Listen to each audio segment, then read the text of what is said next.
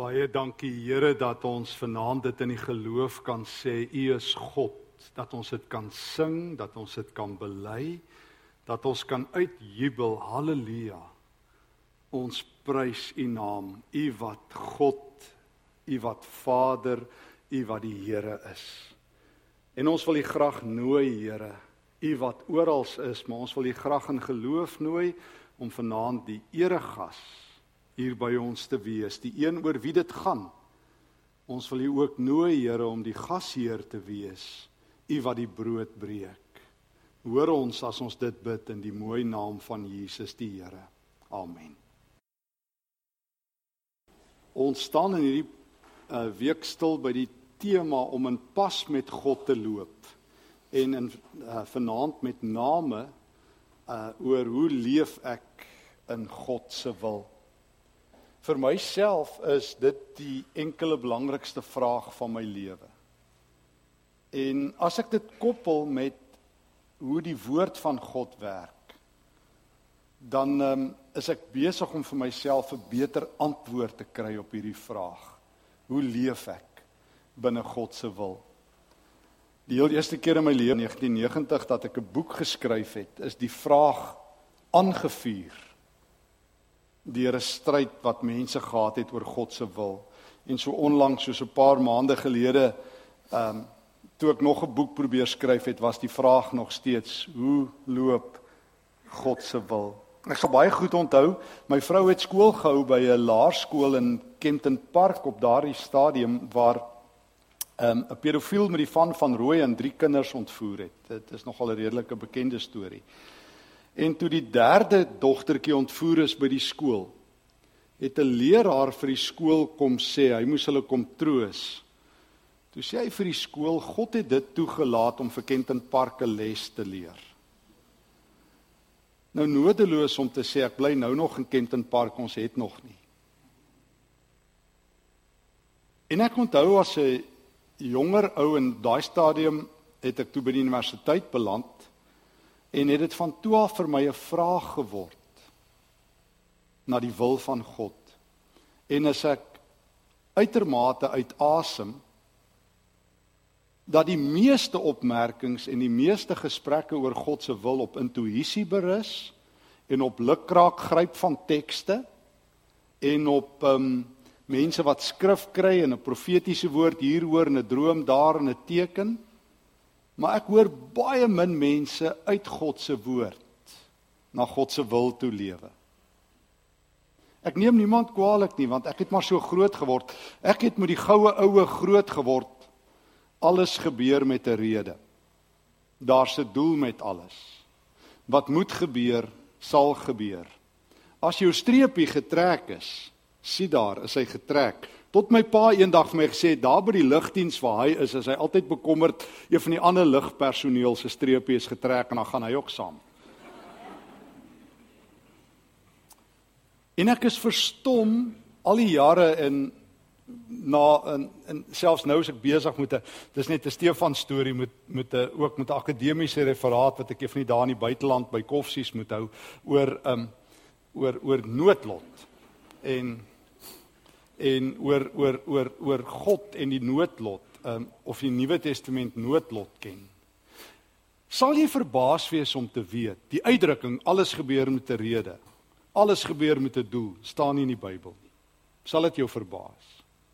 Sal dit jou verbaas dat dit nie 'n godsdienstige uitdrukking is nie? Al al dink die meeste Christene dis die diep dis die diep godsdienstigste ding wat hulle gesê het. Dit staan in Johannes 36 en in Romeine 50. Maar sal jy verbaas wees om te weet alle alle godsdienste, alle filosofieë en min of meer alle mense glo dit. Dat dit tans die gewildste uitspraak in Hollywood is. Jy ek het op 'n stadium toe ek 'n boekie daaroor probeer griffel het, um het ek geluister elke aand op elke televisieprogram uh waar ek dit hoor en daar het nie 'n aand verbygegaan dat daar nie so uitspraak is by een van die Amerikaanse televisieprogramme everything happens for a reason everything happens for the best. Um daar's 'n doel met alles. Hollywood glo dit. New Age glo dit. Dis een van die groot uitsprake van New Age, karma. Alles gebeur met 'n bepaalde rede. Um, dit kom voor in die boeddhisme. Dit kom voor in die islam, inshallah. God is die oorsaak, Allah is die oorsaak van alles. Jode glo dit en baie Christene glo dit. Um rondom die kerk se teekanne en by Bybelstudiegroepies, jy weet daar's 'n doel met alles. Alles moet met 'n doel gebeur. En en dan die uitdrukking toe maar ons sal later verstaan. Ek sien nou die dag wat 'n vrou sê op Facebook. Sy weet nie, sy sal die dag as sy doodgaan, dan sal sy later verstaan en daar's net likes. En ek sê, Wil jy eers doodgaan voordat jy weet hoe kom jy gelewe? Dis 'n pretty sad state of affairs, so ek wou sê in Holland. In Hollandees. Ek werk by Hollandse Universiteit, so dis my beste poging tot Hollands vanaand. Goed. Ehm um, maar feit is geliefdes. Wil jy eers doodgaan voordat jy weet hoe kom jy hier was, dan is jy in vir 'n of toe maar jy sal later verstaan, sê wie? Toe kom ek agter toe ek bietjie gaan speurwerk doen in die Griekse tekste. Toe kom ek agter dit kom uit Homeros, die ou groot skrywer van die Iliad en die Odyssea wat eintlik die Bybel van die Grieke geword het en van die Romeine. Daar was drie godinne wat die noodlot beheer het. Daar was eintlik meer uh, die die die die die ouens in die um, Latynse wêreld het die godin Fortuna geken. Daar was drie tempels vir haar in Rome in die eerste eeu. En in elke stad het sy aanbid waar die woord fortune vandaan kom. Maar in die Griekse wêreld was daar drie godinne wat bekend gestaan het as die Moirai waar die naam Moira vandaan kom. En die drie godinne ehm um, Lachesis Tropos en uh, Lachesis Atropos en die derde een se ehm um, se naam is nou uit my kop uit. Hierdie drie godinne het die noodlot beheer. Die eerste godin het 'n weefstok gehad in die Iliad van Homeros. Dan weef sy jou lewe. Die tweede godin het 'n liniaal gehad, dan meet sy jou lewe. En die derde godin, raai wat het sy gehad? Atropos, 'n skêr. Dan knip sy jou draadjie. So as sy besluit het dit is wedstrydpunt, dan knip sy hom. As jou streepie getrek is, dan besluit Atropos uh Kloto, Atropos en Lachesis, die drie godinne van die noodlot. En selfs die ou groot god in die stories, die hoofgod van die Grieke, Zeus, kon niks amper aan hulle doen nie. So magtig is daai godinne. Want hulle besluit Hulle weef jou lewe, hulle besluit hoe lank jy lewe, hulle besluit daar's 'n doel met alles en hulle laat val die byl. So julle hoor, dis nie eens 'n Christelike ding nie, dit kom uit die Griekse mitologie uit. En ek het gedog dit staan in Moses 3 vers 10 en lyk vir my ou dominee dit ook baie keer geglo. En ons het dit aan mekaar verkondig. Toe maar jy se later verstaan, daar's 'n doel met alles. Alles gebeur met 'n rede. Dis so Grieks, dis so Homeros soos kan kom, dis so nie Bybels nie. En ek het agtergekom 'n tweede ding oor God se wil. Meeste mense praat net oor God se wil as dinge sleg gaan. Hoekom het dit nou gebeur? Toe my oupa grootjie op 96 dood is, het die dominee nie gekom en gesê toe maar jy sal later verstaan nie. Maar as jou kind op 3 dood gaan, dan sê almal toe maar jy sal later verstaan. En toe my een vriend se kind 10 onderskeidings kry, het ons ook nie gesê daar's seker maar 'n doel daarmee. Nee, almal sê jy ons slim pa daai. Ma was ook so 'n bietjie in die prentjie, maar pa, die breins.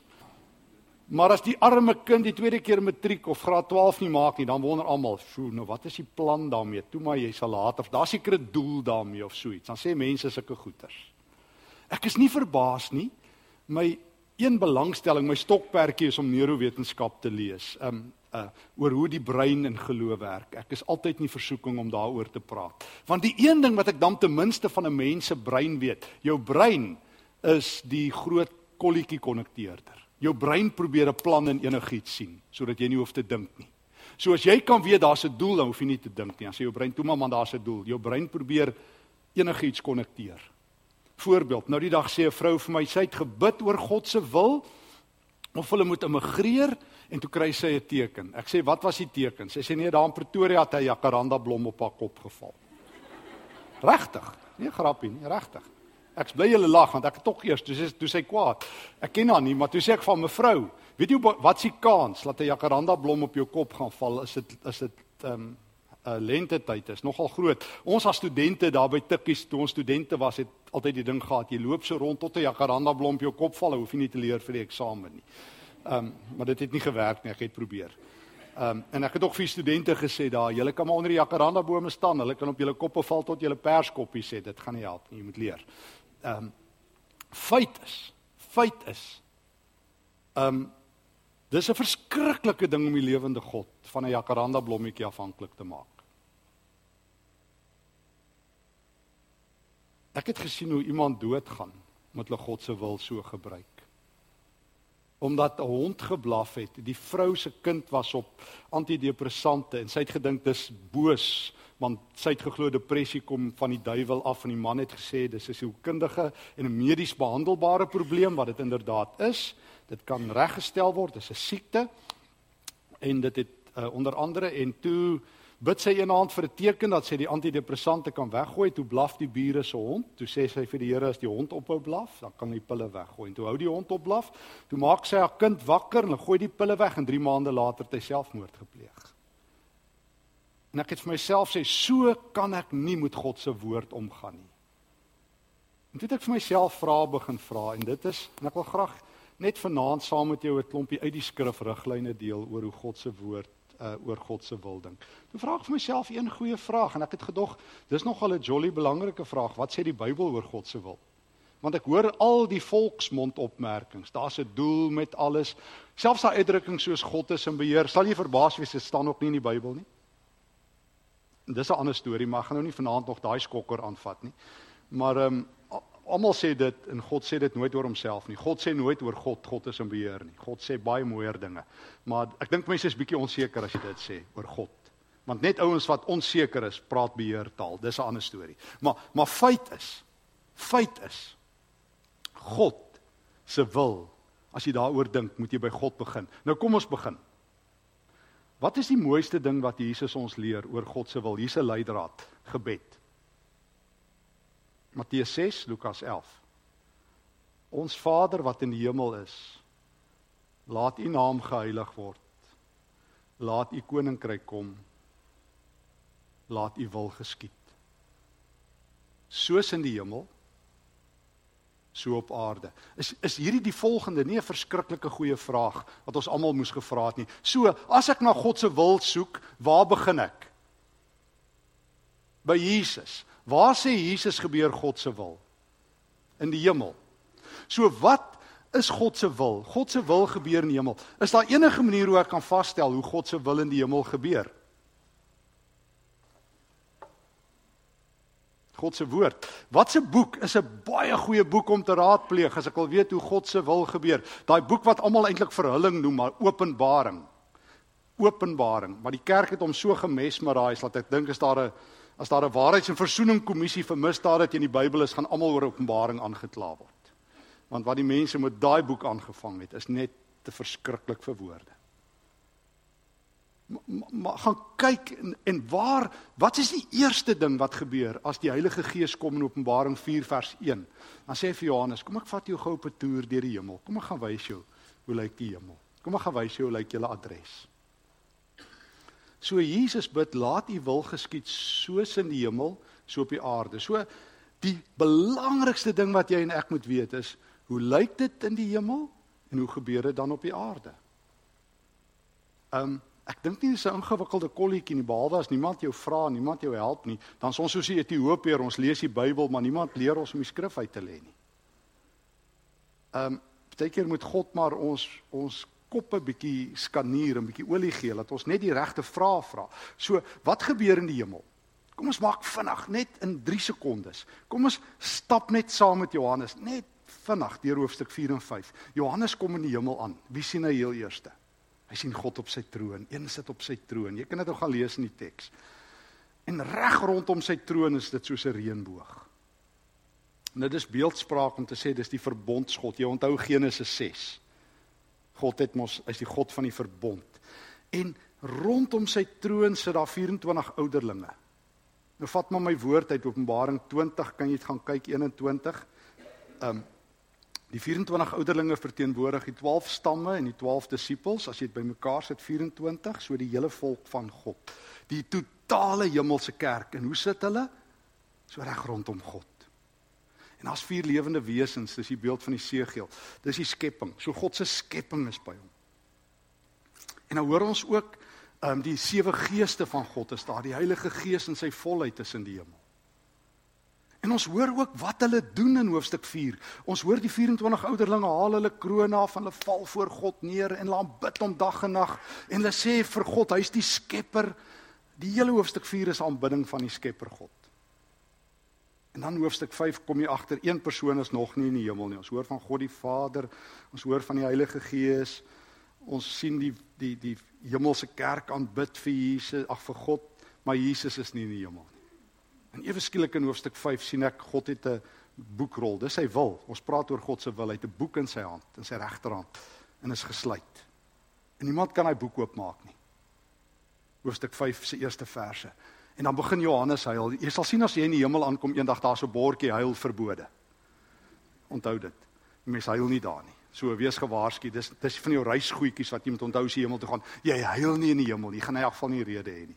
Maar Johannes lees daai bordjie maar hy huil want hy weet hierdie raadsplan van God is gesluit. Niemand kan dit oopmaak nie.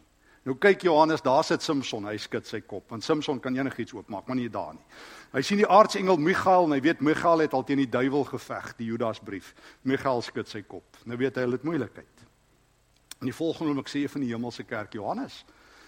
Ehm um, een van die 24 ouderlinge hierso, hier's 'n hier's 'n leeu op pad.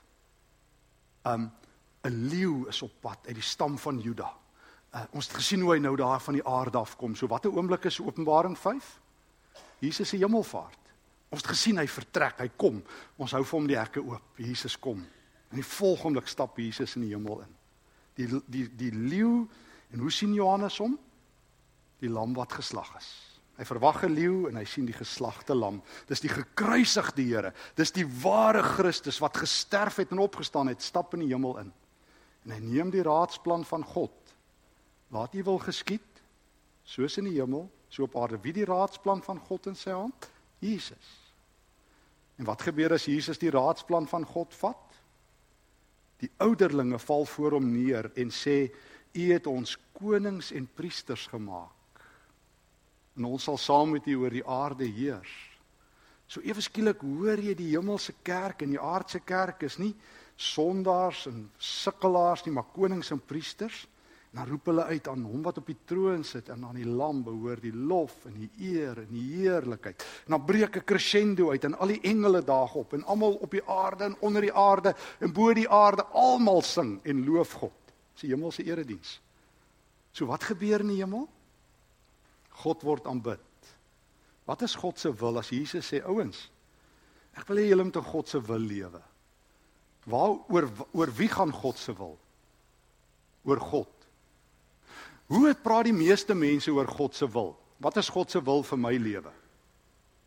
Wat sê die Nuwe Testament? God se wil gaan oor God. God het nie 'n wil vir jou lewe nie. God het 'n wil en jy val met jou lewe by sy wil in.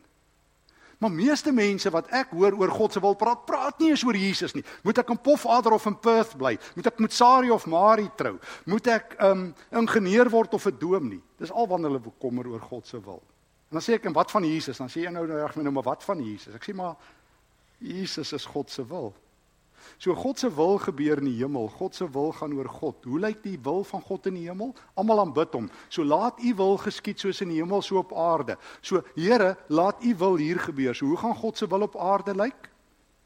Wat sê Paulus sê net maar mm, Kolossense 3 vers 17 of 3 vers 23 of 1 Korintiërs 10 vers 31. Ons gaan God met ons woorde en met ons dade verheerlik. So hier is die eerste ding. God se wil is om God te verheerlik. Hoe weet ons dit? Ons het nou in die hemel ingekyk. Tweede aspek oor God se wil. God se wil het 'n naam. Jesus. Kom ons kyk na die tweede belangrike punt en daarmee wil ek saam met jou Johannes 6 vers um, 38 tot 40 lees, die enkele belangrikste teks oor God se wil in die hele Bybel wat die enkele meeste kere nie aangehaal word wanneer Christene oor God se wil praat nie. Ek het nog my hele lewe nooit gehoor dat Christene na Johannes 6 verwys as hulle God se wil soek nie. Ehm, um, skus ek's nou by Johannes 7. Ek net Johannes 6 kry, vers 38. As Jesus besig om te praat dat hy die brood van die lewe is. Uh en dan sê hy vers 39 met name. En dit is die wil van hom wat my gestuur het dat ek van almal wat hy aan my gegee het, nie een verlore sal laat gaan nie, maar hulle almal op die laaste dag uit die dood sal laat opstaan. Dit is die wil van my Vader, dat elkeen wat die Seun sien en in hom glo, die ewige lewe sal hê en ek sal hom op die laaste dag laat opstaan. So wat is God se wil? Ons weet hoe lyk dit in die hemel, daar word hy aanbid. Wie is God se wil? Jesus. Hoe voer Jesus God se wil uit? Hy gee sy lewe sodat elkeen wat aan hom glo. So nou weet ek God se wil in die hemel is dat God geloof moet word. God se wil is Jesus. Almal moet aan hom glo. So wat is wat is jou en my taak as ek bid, Here, laat U wil geskied? Gee dat ek U begin loof. Gee dat ek soos ons vanaand gesing het, maar met my hele lewe U loof, nie net vanaand ophou sing nadat ons hierdie wonderlike musiek gesing het nie, maar aanhou. En Here, gee dat ek deel is van Jesus se sending. Dis U wil. Dis God se wil. Dis sê in die Nuwe Testament is God se wil. So dit gaan nie oor Perth of Pof Adder ingenieur of of nie ehm um, Sari of Mari of hoekom iemand dood is op 10 jaar nie. Dit gaan oor of jy 10 jaar is of jy 80 is en of jy in Perth bly of jy in Pof Adder bly en of jy ingenieur is en of jy huisvrou is of jy werkvol of werkloos is, God se wil is dat jy hom moet verheerlik. God se wil is dat jy Jesus sal uitlewe. Dis God se wil vir jou lewe. Dit is God se wil. Hoe val jy met jou lewe daarbey in? Maar nou gaan ons vyf familiereëls gou leer want enige huis, enige familie het reëls en beginsels. En die Nuwe Testament het vyf beginsels. Vyf beginsels oor hoe God se wil uitspeel. Dis hoe jy in pas met God lewe. 5. So ek het eenvoudig net deur die Nuwe Testament gelees.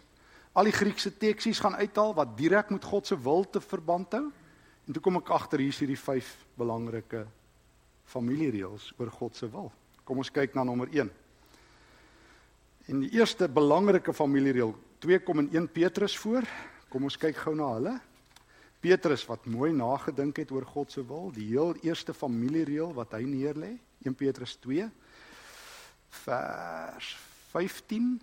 Dit is die wil van God dat jy goed doen. En so sal jy einde bring aan die wat kwaad doen en kwaad praat. Dit is die wil van God dat jy moet goed doen. Hier is die eerste familiereël.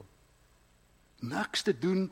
Ons het God se wil in dink 'n bietjie oor jou eie lewe en ek ook. Ek het God se wil insidente gemaak. As hierdie insident aanbreek dat ek moet trou, wat is God se wil? Petrus sê God se wil is 'n relasie. Kan ek dit groot woorde gebruik?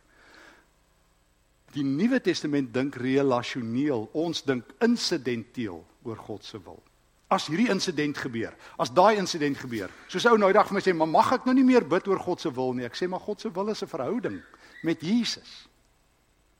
Um jy leef in hierdie verhouding en uit hierdie verhouding wandel jy in sy wil. Die vraag verander. Ek hoop jy het die verskil gehoor. Dis nie 'n insident nie, jy's in 'n verhouding met God deur Jesus en nou binne sy familie. Is jou eerste reël. Hy sê jy leef binne my wil deur goed te doen. Ek het dit waaragtig nooit geweet nie. O, ek het 'n paar keer gehoor ek moet goed doen, maar niemand het vir my gesê dis God se wil doen goed nie. Ek hoor in Suid-Afrika nou speel ek bietjie duiwels advokaat. Maar ek hoor die beste ding, die naaste wat ons daan kom, ons nou opstaan vir die Here. Jy het ook al gehoor. Jy's nie in die kerk moet dan nou opstaan vir die Here. Sê ek ja, dan gaan sit ons ook maar weer. Jy kan ook net so lank staan. Maar nêrens sê die Nuwe Testament jy moet opstaan vir die Here nie. Die Nuwe Testament sê dis die wil van God dat jy moet goed doen en dan sal dit 'n einde bring aan al die kwaad wat mense praat.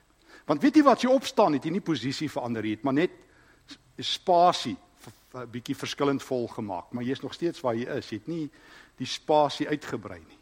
Maar weet jy wat doen jy as jy goed doen? Weet jy wat doen jy as jy goed doen? Jy brei die koninkryk van God uit. Petrus gee vir ons 'n paar riglyne, vers 17 oor hoe ons dit moet doen.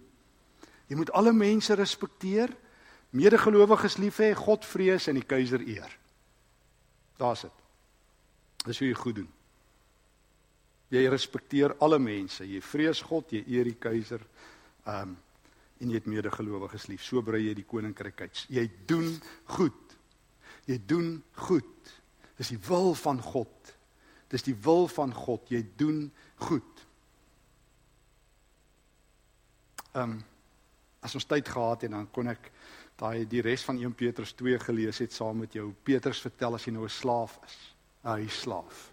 'n Oiketes, 'n huisslaaf is 'n baie lae posisie. Hoe 'n huisslaaf dan nou goed doen as jy 'n slegte baas het. Dan is dit nie God se wil dat jy iets beter gaan nie, dan word jy 'n goeie huisslaaf en jy leef met die liefde van die Here en jy vergewe en jy's verdraagsaam. Jy doen goed. Nie jy um, staan op vir die Here nie. Jy doen goed vir die Here. Jy Stel nie uit tot môre nie, jy doen dit vandag. Ehm um, jy gee vir iemand 'n beker koue water.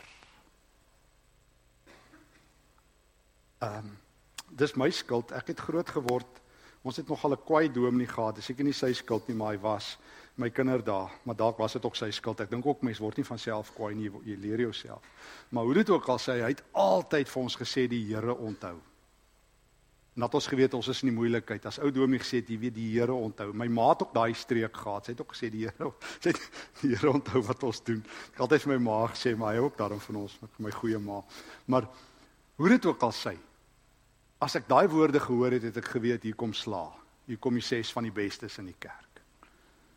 Ehm um, En toe vra ek vir myself eendag, maar wat onthou God regtig? Toe kom ek agter God het eintlik baie keer geheue verlies. Hy ly ook maar aan amnesia baie kere. Hy sê as jy jou sondes bely, onthou hy dit nooit weer nie. Jy kan probeer. God het nie soos Google of Apple 'n cloud waar hy alles stoor nie.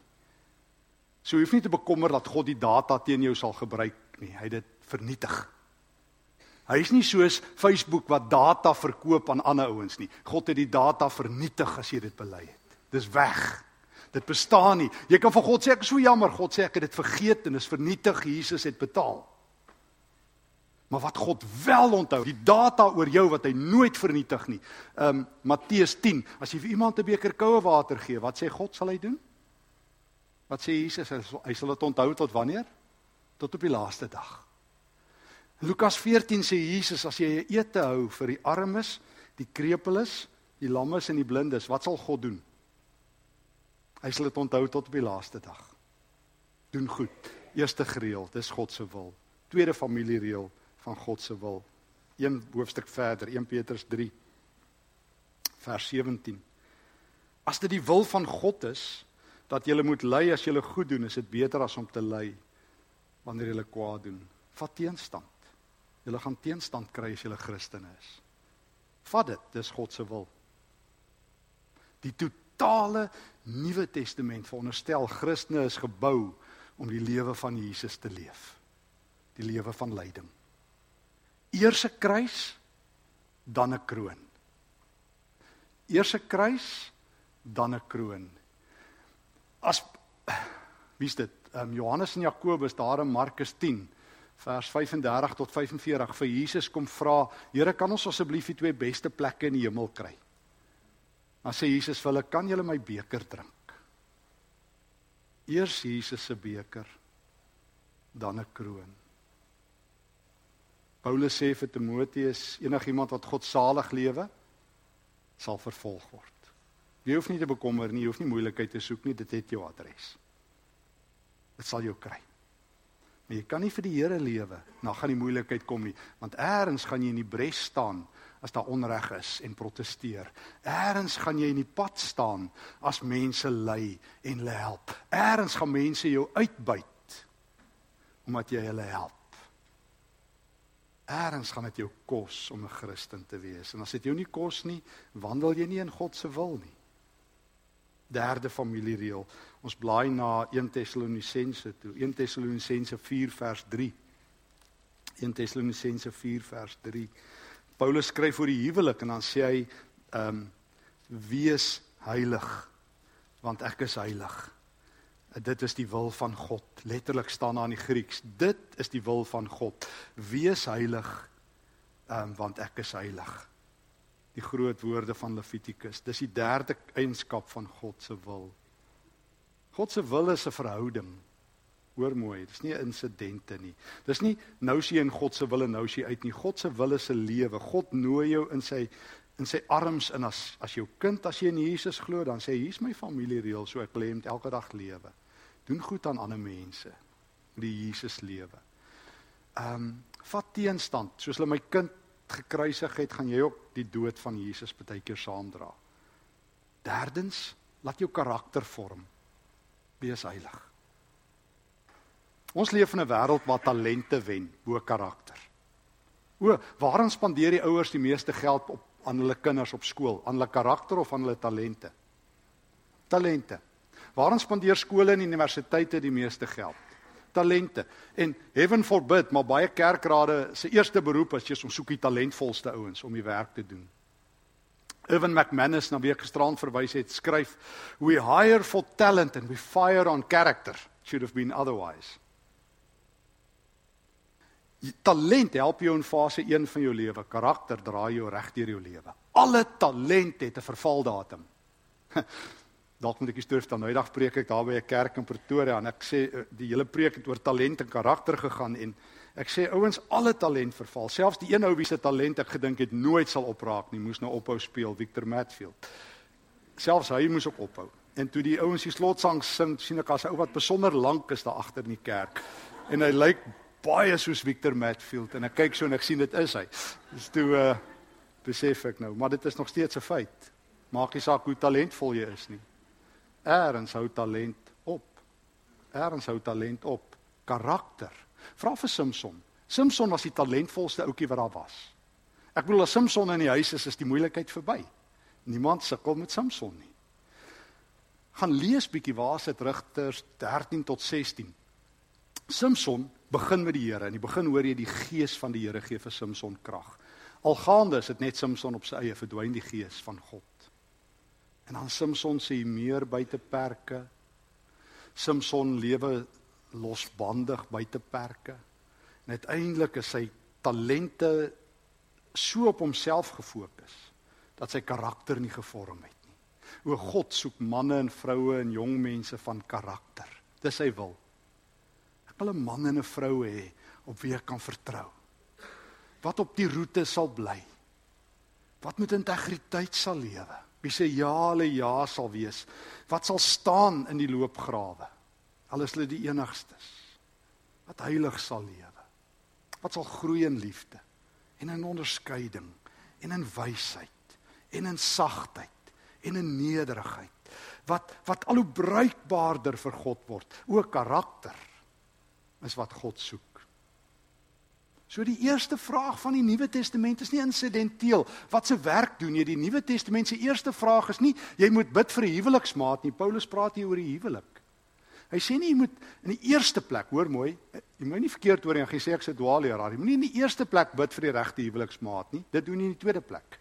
Jy bid in die eerste plek vir jou kinders. Here, gee vir my kinders 'n heilige karakter. Here gee vir my kind, my man en my vrou, gee vir my kinders en my kleinkinders die hart van Christus sodat hulle sal onderskei om op u pad te loop. Here en dat hulle hulle huweliksmaat so sal kies. Dis die eerste gebed. God se eerste gebed, sy eerste roete of jy of jy in Perth bly en of jy in Pofadder bly of jy of jy werkloos is of dat jy 'n man van karakter sal wees en 'n vrou van karakter. Vierdens 1 Tessalonisense 5 vers 16. Wees wees bly, wees dankbaar. Paulus skryf letterlik in die Grieks. Um um in 1 Tessalonisense 5 vers 16. Wees altyd bly, bid gedurig, wees in alle omstandighede dankbaar vers 18. Dit dan staan daar in die Grieks letterlik, dit is die wil van God in Christus Jesus. Die vertaling het dit so 'n bietjie vryer vertaal. Maar Paulus se eksakte woorde is dis die wil van God. Wees dankbaar, wees bly. Um ons is nie geleer dat dit God se wil is nie. Trouwens, ons kan lekker dik klip lang gesig deur die lewe gaan en niemand gaan vir ons sê jy's buite God se wil nie. Probeer dit bietjie. Ek weet dis nie maklik nie, maar probeer 'n bietjie ongelukkig wees. En nou jy gaan agterkom, niemand gaan vir jou sê jy's buite God se wil nie, behalwe God se woord. En as jy dit nie weet nie, gaan jy nooit God se wil kry nie.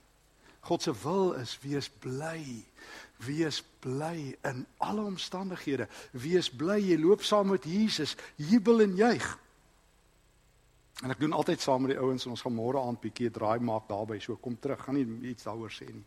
Uh uit die prediker uit oor blydskap. So kom ons los dit vir môre aand. En die laaste familiereël oor God se wil, 2 Korintiërs 8. Wees vrygewig wees vrygewig dis die wil van God. Paulus skryf oor die gelowiges van die gemeentes in Macedonië, dis die gemeentes van Filippi en Tessalonika wat geld gegee het vir die armes in Jerusalem. En Paulus vertel van hierdie gemeente in 2 Korintiërs 8 vers 2 al was hulle swaar beproef deur verdrukking, dan hoor hulle ken lyding, was hulle blydskap oorvloedig. Hoor net hoe merk hulle al die blokkies af oor God se wil. Hulle is verdruk, hulle het vasgestaan, hulle is bly en hulle was ryk in hulle vrygewigheid. Paulus sê hulle het uit eie beweging vers 4 aangedring om hierdie vrygewige diens te lewer. Vers 5 dis meer as wat ons verwag het. Hulle het hulle self eers aan die Here gegee en toe aan ons. Dit is die wil van God, sê Paulus. Vrygewigheid.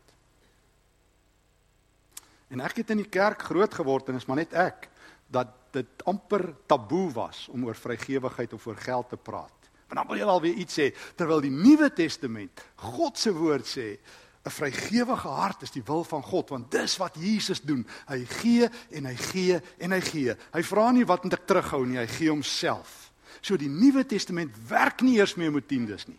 As ouens nog met tiendes worstel, dan weet ek hulle is na Ou Testamentiese greep. Die Nuwe Testament vra gee alles. En as jy in geld moet dink, het ons gisterand gesien, die maffia baas dan gee jy 50% of die armste ouens ehm um, gee ook 50% hulle twee stelle klere het kan ook gee. Met 'n hart wat lek en jy lek liefde. Handelinge 20 vers 35.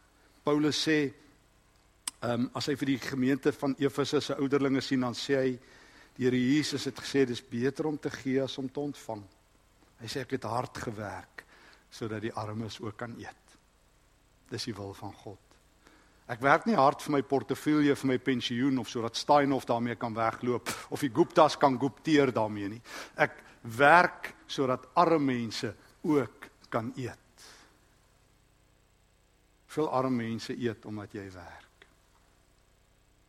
Veel mense kan vanaand warmer slaap omdat jy in God se wil lewe.